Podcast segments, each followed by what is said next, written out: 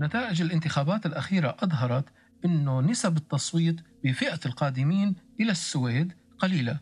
شو في كلمة أخيرة بتوجهيها لهاي الفئة؟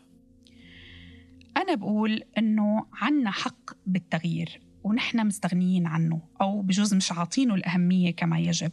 اليوم التصويت هو تعبيرك عن الديمقراطية اللي أنا وأنت بنتمناها فليش حتى ما نستخدمه ونعبر عن اللي منريده من مطالب بطريقة حضارية وديمقراطية؟